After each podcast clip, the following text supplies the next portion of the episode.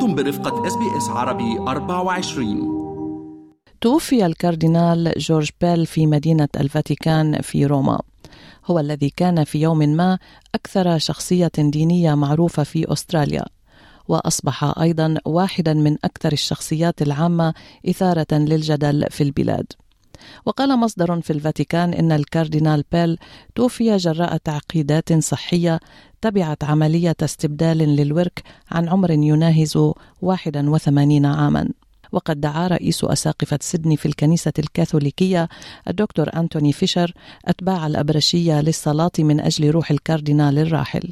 ولد بيل في بلدة بلارات في عام 1941 كان والده أنجليكانيا أما والدته فكانت كاثوليكية ملتزمة.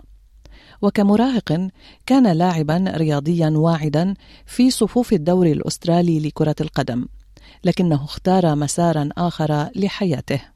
درس بيل الكهنوت في أستراليا وفي إيطاليا وتم ترسيمه كاهنا في نهاية المطاف في كاتدرائية القديس بطرس بالفاتيكان عام 1966 بدأ مسيرته الدينية في مدينة سوان هيل في ولاية فيكتوريا عام 1971 ثم خدم 11 عاما في أبرشية في شرق بلارات لفت بيل انتباه معظم الأستراليين عندما صعد إلى منصب رئيس أساقفة ملبون في عام 1996 وبعد خمس سنوات تم تعيينه رئيس أساقفة سيدني.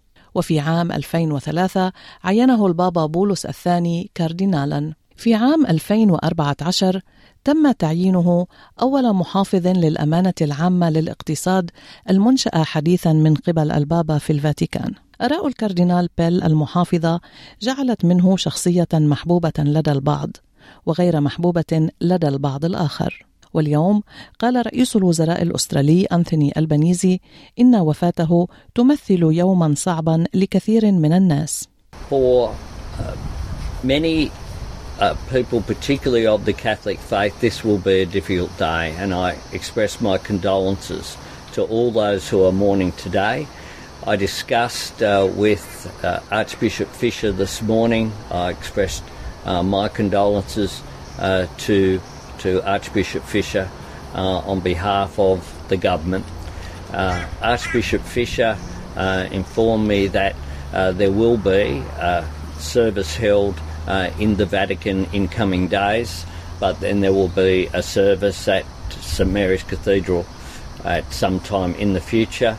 The Department of Foreign Affairs and Trade are providing assistance to ensure that Cardinal Pell uh, is brought back uh, to Australia, and those arrangements are being put in place. موقف الكاردينال بيل وأفعاله تجاه الاعتداءات الجنسية على الأطفال شوهت الجزء الأخير من حياته وجعلته شخصية سامة في العديد من الدوائر. في عام 1996 ادعى رجل أن بيل تحرش به عندما كان صبيا في المذبح في عام 62 ونفى الكاردينال بيل هذا الادعاء. وفي العام نفسه أطلق بيل مبادرة عرفت ب Melbourne Response أو استجابة ملبورن من أجل التعويض على ضحايا الاعتداءات الجنسية من قبل الكنيسة.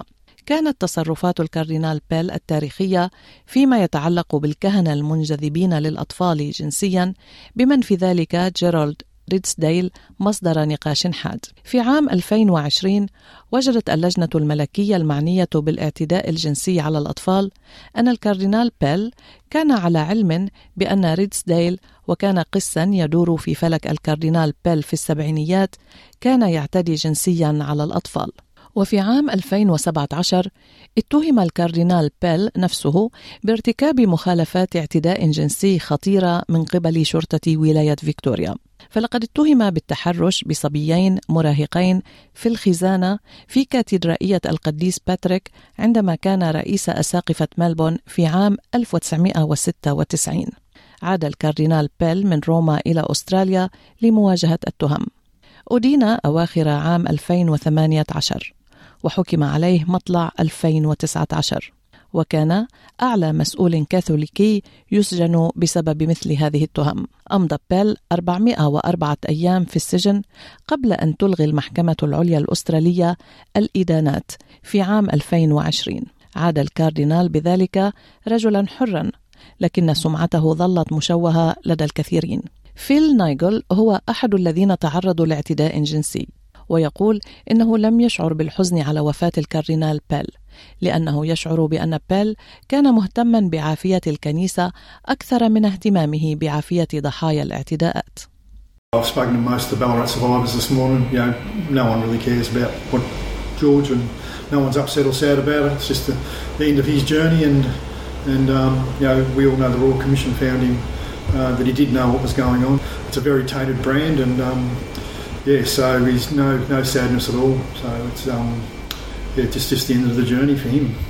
السيد دون ماكليش هو منسق شبكة الناجين الخاصة بالذين تعرضوا للاعتداءات من قبل الكهنة في أستراليا. قال إنه كان على الكاردينال بيل أن يقوم بالمزيد لحماية الأطفال من الاعتداء. That uh, there will be no tears shed by survivors whatsoever, uh, or family members, and, and, and many advocates will not shed tears, even although it's, there's no joy in the death of anyone. But there'll also be uh, a sense of no closure for some people, I believe. هذا التقرير من إعداد سونيل أوستي ل SBS News وإيمان ريمان ل SBS عربي 24 استمعوا إلى آخر إصدارات SBS عربي 24 على جميع منصات البودكاست تابعوا بودكاست الهوية في موسمه الثاني الذي يروي قصصا واقعية تعكس تحديات الانتماء التي يواجهها الشباب العربي في أستراليا.